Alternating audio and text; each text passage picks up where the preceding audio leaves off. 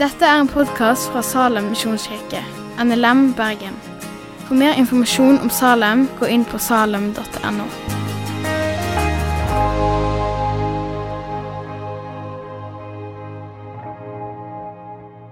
Veldig stas for meg, en gammel mann, å få lov til å være med på lørdagskveld igjen.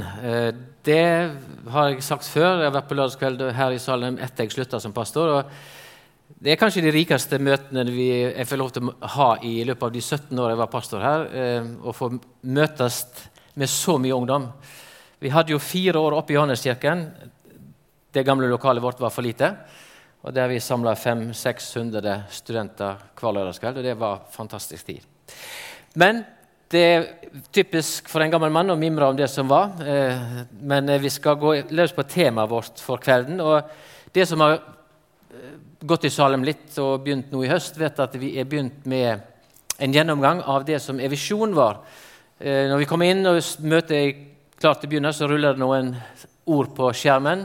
Vinne, bevare, utruste og sende til Guds ære. Og Den visjonen ble jo skapt tilbake i tid, og så er det greit å friske den opp igjen. Hva ligger i disse ordene? Hva mener vi med denne visjonen vår? Visjonen er jo det vi ønsker å drive på med i Salem. Vi ønsker å vinne folk for Jesus, vi ønsker å bevare dem hos Jesus, og så ønsker vi å utruste dem eh, til det livet som vi lever her. Og Det er det ordet vi er kommet fram til. Så kommer vi sende eh, etterpå, og alt til Guds ære. Men i kveld er det altså fokus på utrustning. Og Spørsmålet er jo hva er det vi kristne trenger å utrustes til? Det er jo ulike områder i livet der vi snakker om utrustning. Altså Det er primært studenter, tror jeg. Og de holder på å utruste dere faglig til ulike yrkesvalg. Og så har vi mange andre områder i livet der vi kan utruste oss. Skal du på en ekspedisjon, så må du ha en viss utrustning for å overleve. Men hva er det vi kristne, hva er det Bibelen ønsker å utruste oss med? Um, og Vi skal lese det som er teksten og utgangspunktet for det vi skal fokusere på i kveld, som jeg har fått som tema, og det er Efeserbrevet 6, 10-18. Den teksten kommer opp på skjermen. Flott. Og Der står det sånn Til sist, bli sterk i Herren, i Hans veldige kraft. Ta på dykk hele Guds rustning, så de kan stå fast mot djevelens listige åtak. For vår strid er ikke mot kjøtt og blod, men mot makter og herredømme, mot verdsens herskere i dette mørket, mot vondskapens ånde her i himmelrommet. Ta de for hele Guds rustning på, så de kan gjøre motstand på den vonde dag, vinne overalt og bli stående. Så står det å faste. Spenn sanninga til beltet om livet, ta rettferda til brynje, og snør fredens evangelium til skor på føttene, så de er klare til å gå. Lyft trua høgt til skjold i alt som hender. Med det kan de sløkke alle brennende piler fra den vonde. Ta frelsa til hjelm og grip Andens sverd, som er Guds ord. Gjør dette i bønn, og legg alt fram for Gud. Be alltid i Anden. Vak og hold ut i bønn for alle de hellige. Paulus skildrer for oss en kampsituasjon.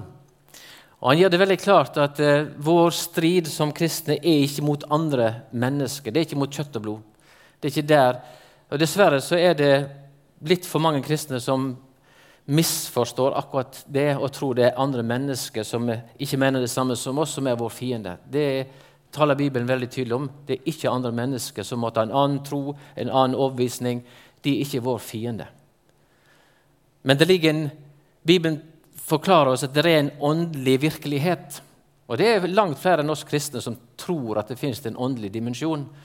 Men i Bibelen så finner vi en helt eh, eh, definert åndeverden som blir regjert av den onde. Så den onde og hans ånde her står bak alt det onde som skjer i verden. Og ondskap i verden tror jeg vi alle er enige om eksisterer. Men det vi har en kamp imot, og det denne utrustningen skal gjøre oss i stand til, det er å stå imot makter og herredømme. Mot verdsens herskere i dette mørket, mot vondskapens ånder i himmelrommet.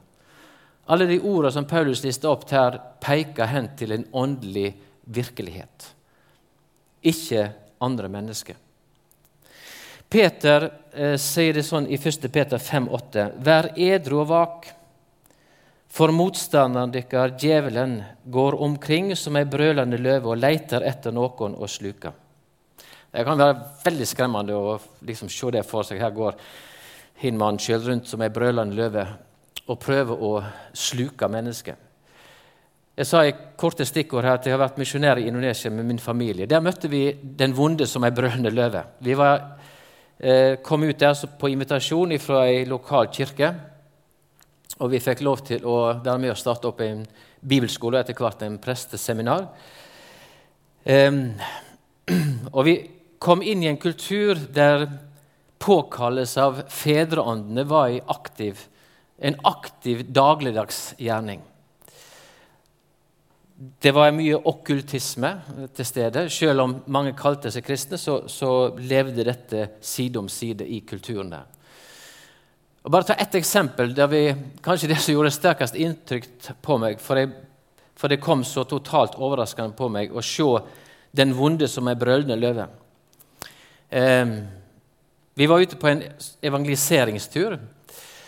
Jeg hadde med oss noen studenter, elever på bibelskolen, og var dratt langt inn i dette var langt inn på, i bushen på Nord-Sumatra. Uten strøm og uten innlagt vann levde vi der i fem år.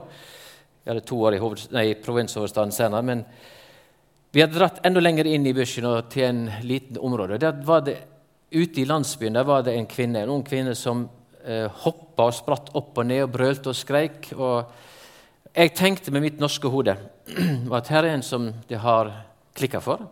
Eh, her er noen som har et eller annet traume i livet, eller et eller annet. Men så kommer de nasjonale kristne og så forteller de misjonæren som skal komme ut av frelserverden, eh, at denne kvinna er besatt av en ond ånd. Og Da kjente en jo seg veldig lur som misjonær, og dette hadde ikke jeg sensitivitet til å forstå. Men så samler vi oss rundt, rundt det, det, Før det skjer, så kommer denne kvinnen mot meg. Og så sier hun 'Hva heter du?' 'Siapa namamu', sier hun på indonesisk. Og så svarer jeg navnet mitt er eh, Far Sætre, som er som måten jeg presenterte meg på der. Eh, og brøler ut en latter og slår en spøk på navnet mitt. Og jeg følte meg rett og slett trua, og jeg veik litt tilbake. Det var da disse nasjonale kom til meg og sa at denne kvinna, er vond ånd som bor i henne. Og Så samler vi oss rundt henne, og så skjer det noe som til den dag i dag har gjort at jeg er overbevist om at Jesus fins, og at det er en åndelig virkelighet. For vi begynner å be i Jesu navn. Damlam nama Jesus I Jesu navn, far ut. Og Da kom en annen stemme til uttrykk gjennom denne kvinnen. Driv meg ikke ut, driv meg ikke ut. Men vi sier i Jesu navn, far ut. Og ånden forlater kvinnen og reiser seg opp og er helt normal. Det er Satan som er brølende løve og sluker den personen som involverer han i livet sitt, med en aktiv tilbedelse. Men den onde har òg en annen framtoning, sier Guds ord. Og det er som lysets engel. Paulus skriver om det òg i 2. Korinterbrev 11,14. Så skriver han om ja, det er bakgrunnen i de falske profeter, men han sier det er ikke, så, det er ikke å undres på, for Satan sjøl skaper seg om til en lysengel. Jeg tror de fleste av oss, iallfall i norsk kontekst, viker unna hvis vi står overfor ei brølende løve. Da trekker vi oss. Men en lysengel er kanskje vanskeligere å avsløre. For den lytter vi til. Alt er jo positivt der. Lyst engel. Det høres jo bare fint og godt ut. Og så når han inn til vår tanke og til vårt hjerte. Og det kan høres både rett og godt og sant ut, men det er falskt. Og Jeg tror vi alle en eller annen flere ganger i livet har erfart i etterpåklokskapens lys at vi tenkte 'Hvorfor i all verden gjorde jeg det?' Hva var det som fikk meg til å si akkurat det? Hva var det som førte meg inn i den situasjonen som jeg er i nå? Og så kjenner vi frustrasjonen, oppgittheten over oss sjøl. Jeg burde ha visst bedre. Hvem er det vi har lytta til, som har ført oss inn på et sted der vi egentlig ikke ønsker å være? Det er ikke fritt, det er ikke fred der, det er ikke glede der. Det er bitterhet og anger som treffer oss. Og dette gjelder ikke bare oss som er kristne, dette gjelder òg i den profane verden. Det kan vi lese i psykologien om. Kanskje de kjenner denne sangeren 'Passenger'. Noen har hørt om han? Ingen? Nei. Jo, det var noen. Han har jo en sang som heter 'Why Can't I Change'. Så han òg funderer over det. Hvorfor er det noe i meg som ser ut til å ikke ha den evnen til å tenke rett, eller handle rett? Men uansett hvordan den onde framstiller seg, enten det som er brølende løve eller som lysengel, så er han en tjuv, sier Jesus. Og I Johannes 10, 10 så sier Jesus tjuven kommer bare for å stjele, drepe og ødelegge. Det er den ondes hensikt. Det er å stjele, drepe og ødelegge. Det er hans kjennemerke. Det er hans mål. Og så sier Jesus videre.: Jeg er kommet for at jeg skal ha liv og overflod. Jesu mål for ditt og mitt liv er at vi skal leve i fred, i frihet, at vi skal ha liv, og at vi skal ha overflod. Og Mot denne trusselen som den onde, onde utgjør, da, så er det altså Guds ord underviser oss om denne rustningen som vi leste om i Efeserbrevet 6. Og For å forklare denne rustningen, så, eller forklare hvordan denne rustningen fungerer, så bruker altså eh, Paulus et bilde fra sin samtid. Så alle som hørte Paulus, eller leste det som Paulus skrev, så jo med en gang for seg en romersk soldat. Jeg har jo tenkt, og Kanskje vi kan tenke litt på hva bildet ville Paulus brukt i vår samtid. Det har ikke jeg funnet ut av. Men jeg tror vi alle har sett liksom, bilder av en romersk soldat, enten på film eller i, ja, Den framstår jo eh, i mange ulike eh, Både i litteratur og i, i film. Men det er tre ting ved denne rustningen som, som, eller det er seks ting ved den rustningen som Paulus peker på. Det er belte, det er brynje, det er hjelm, det er skjold, det er sko, og det er sverd. Beltet hadde den funksjonen, og dette, et, jeg det, sier det hvis det skulle være noen som ikke visste hva beltefunksjonen hadde. på den rustningen der. Men beltet hadde den funksjonen, den måtte være solid, for det skulle holde hele rustningen sammen. Mister du beltet, så datt rustningen fra hverandre, og kjortelen datt ned, og du, du mister evne til bevegelse, eller frihet til å fri bevegelse. Brynje, hjelm og skjold har den er lagd og utforma i den hensikt å skjule og beskytte den personen som er på innsiden, slik at fiendens angrep, fiendens slag, hogg med sverd eller piler ikke ramma på en dødelig måte. Sko var jo òg viktig selvfølgelig for en soldat som skulle bevege seg raskt og fritt i terrenget. En god bevegelse. Sverdet var det eneste våpenet som soldaten kunne nedkjempe fienden med. Det er altså bildet som Paulus bruker når han skal si noe om hvordan dette fungerer, og hvordan vi kan fatte hva dette dreier seg om for oss som er troende. Beltet, sier Paulus, er sanning. Ja eh, Det blir sagt at det første som går tapt i krig, er sannhet. Og vi lever i ei tid jeg tror vi veldig fort kan si at eh, den vonde strategi i vår tid er å få oss til å tro at sannhet er relativt. Det som er sant for meg, trenger ikke være sant for deg, men det er helt ok. Det høres jo veldig romslig og fritt og korrekt ut, men er det sant? Er det, er det sant at sannhet er relativt? Det er jo lett å dokumentere at noen, noen, eh, i noen fagfelt så er det ikke relativt. F.eks. i matematikk så er det jo helt umulig å snakke om en relativ sannhet. Hvis jeg sier 2 pluss 2 er 5 for meg, så er ikke det en sannhet. Det er min subjektive oppfatning og følelse. Andre felt kan være mer ulikt. Men faktum er at sannhet er en, en absolutt størrelse, og den fins et eller annet sted der ute. Men Bibelen sier altså denne sannheten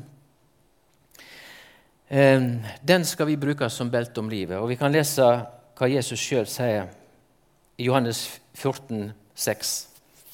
Jeg er vegen, sanninga og livet. Ingen kommer til Faderen uten gjennom meg. Den sannheten som Bibelen vil at du og meg som tror på Jesus Kristus, skal bruke, det er den sannhet vi finner i Guds ord. Den sannheten forteller meg hva som frelser meg. Og den forteller meg også hvordan det er godt for et menneske å leve i denne verden. Så jeg unngår å komme i den situasjonen som jeg angrer på. Der jeg river meg i håret og sier 'Hvordan kunne jeg gjøre det?' Sannhet finner du i Guds ord. Og det beltet skal vi ha så holder resten av rustningen sammen. Jeg har levd et langt liv, som de hørte, og jeg kan vitne, selv om jeg som 18-åring kom tilbake til troen, jeg var ikke noe oppe i en barnetro, så kan jeg stå her i dag og vitne og si at det, det funker. Det funker fantastisk godt. Og det har bevart meg fra så mange fristelser og så mange fallmuligheter. Å lytte til Guds ord og ha den sannheten som belte om livet. Det er ikke alltid jeg har følt at det var så godt. Men etterpå har jeg sett at det gjorde veldig godt. Og det har spart meg ifra mye vondt. Neste punkt det er jo denne, disse tingene på rustningen som er gitt oss for å beskytte oss. For er det noe en fiende ser etter, så er det ditt svake punkt. Så er det å finne det du er sårbar, mest sårbar. Det er en strategisk fiendes plan, finne mot, eh, motstanderen sitt svake punkt. Og Hvor er ditt og mitt svake punkt, og hvor er det vi lettest blitt ramma?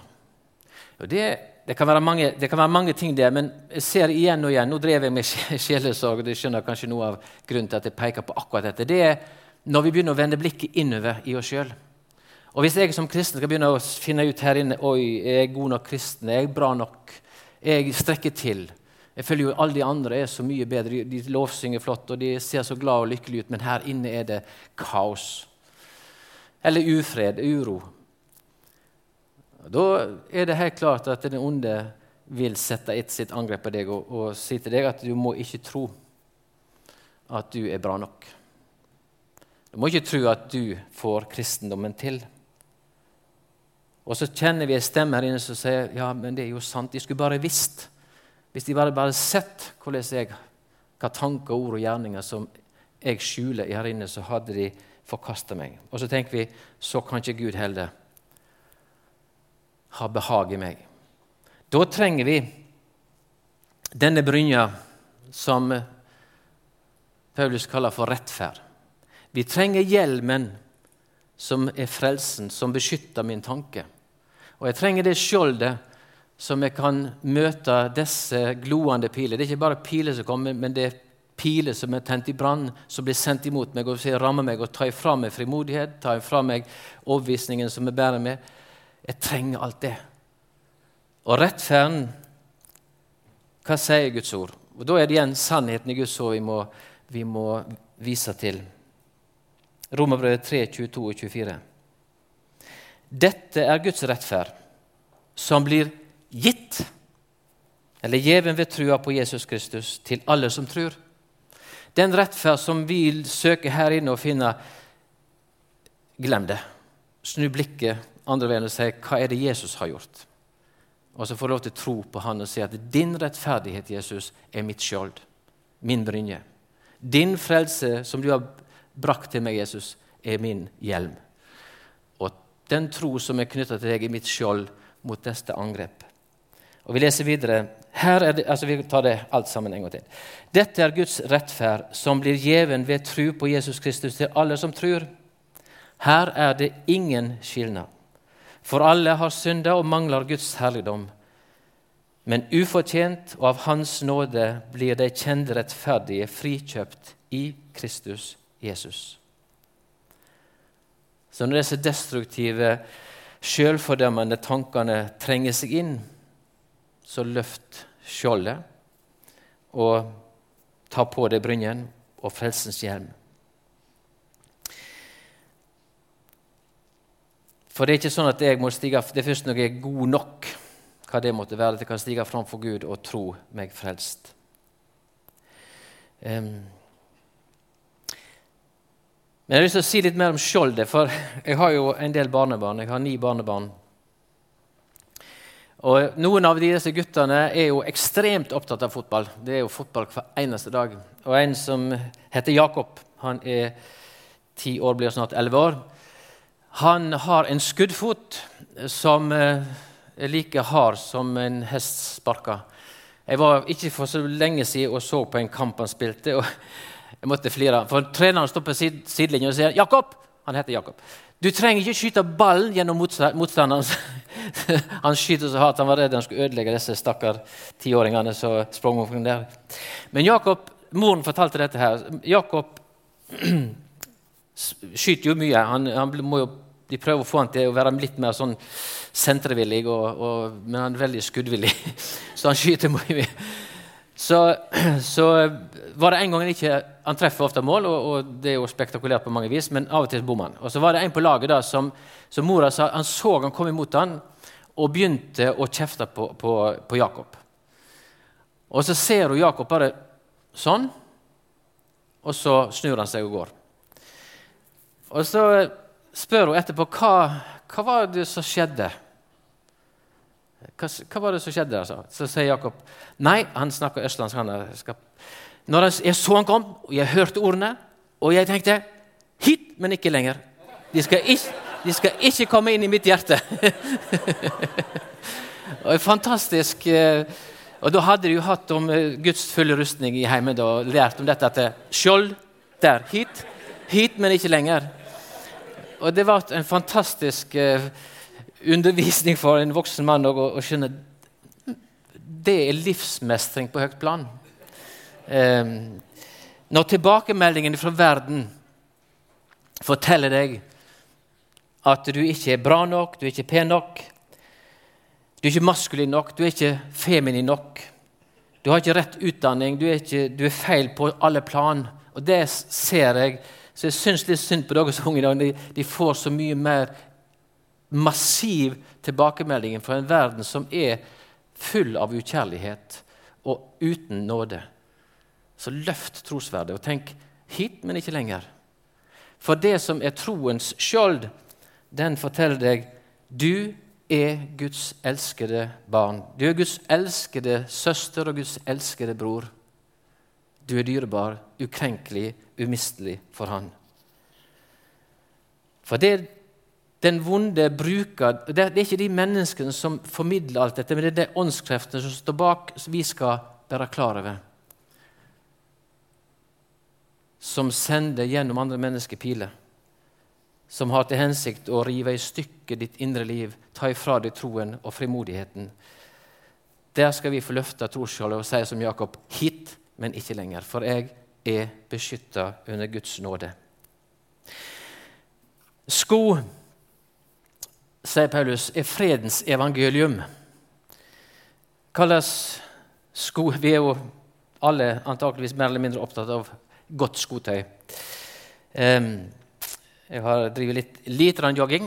Skal ikke kommentere det, Gjermund, men Jeg har nett kjøpt meg nye joggesko og var på løpelaben for å finne skotøy som uh, passer til min stil. da.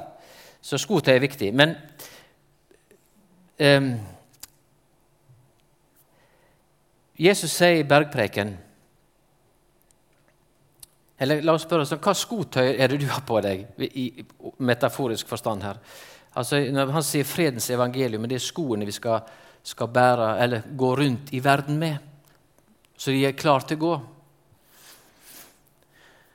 Og Det handler ikke bare om at vi har et fredsevangelium å formidle. Det, her, det ligger i det, det òg. Men, men hva skotøy er det vi har på oss når vi vandrer rundt i relasjon til andre mennesker? Er det et fredens atmosfære rundt oss? Jesus sier i bergpreken sele de som skaper fred.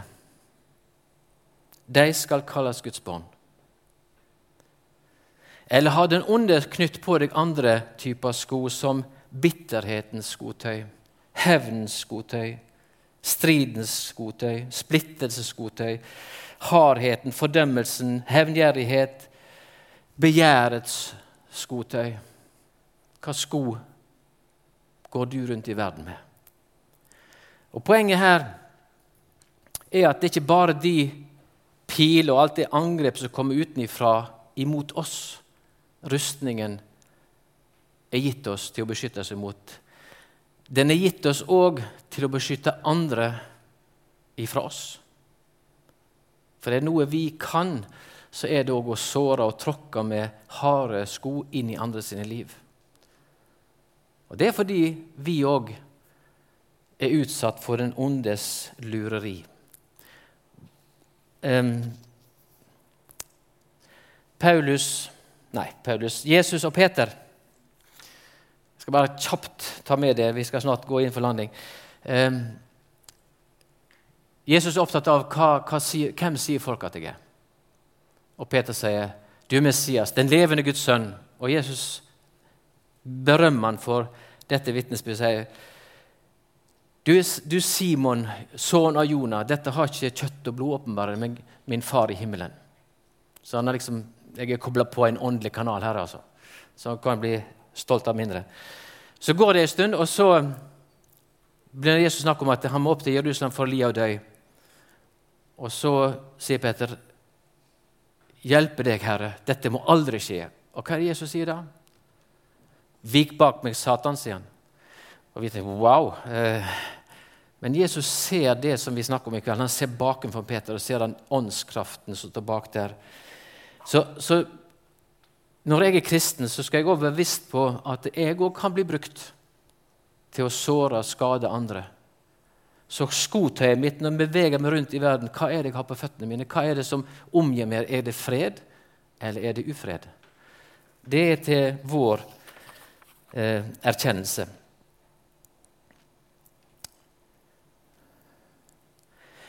Sverdet til slutt. Det er det eneste våpen som er gitt i rustningen til å angripe. Men Paulus sier vårt våpen er Guds ord.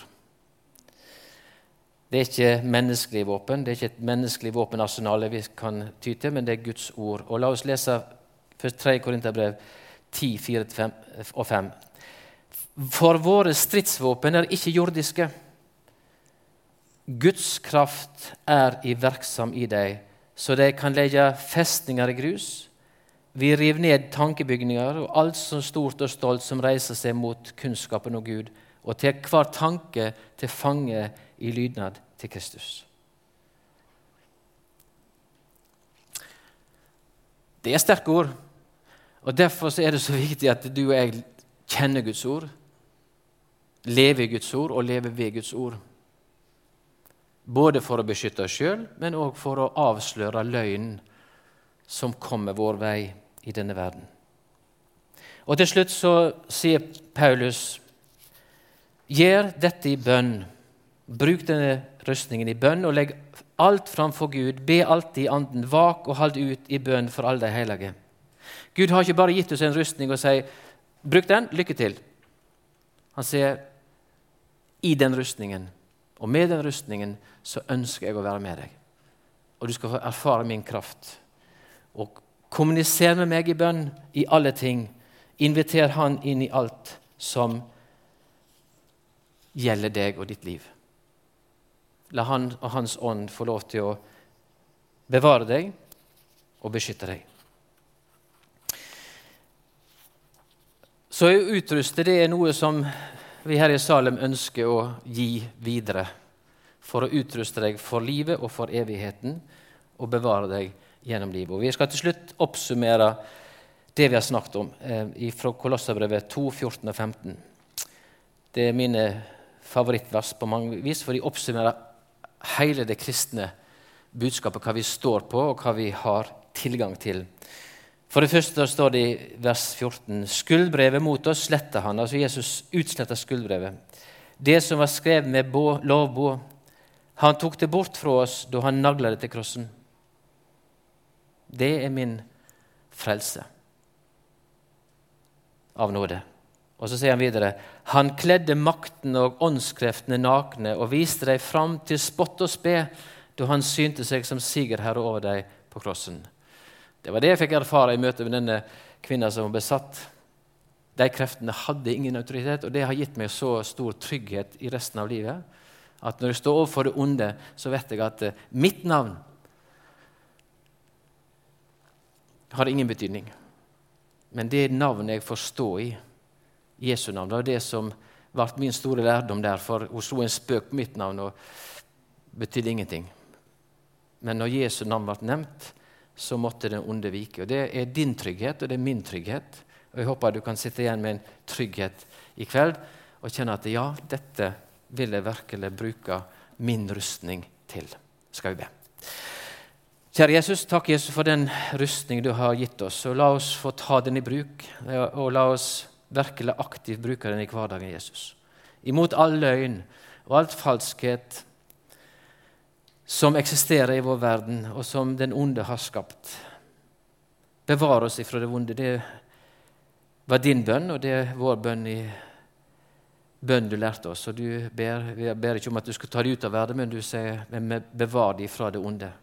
Takk for at du ber for oss, og takk for at du er med oss i alle ting. Velsign denne flokken for ditt dyrenavns skyld. Amen. Takk for at du har hørt på podkasten fra Salem, Bergen. I Salem vil vi vinne, bevare, utruste og sende, til Guds ære. Vi ønsker å se mennesker finne fellesskap, møte Jesus og bli disippelgjort her i Bergen og i resten av verden. Vil du vite mer om oss, gå inn på salem.no.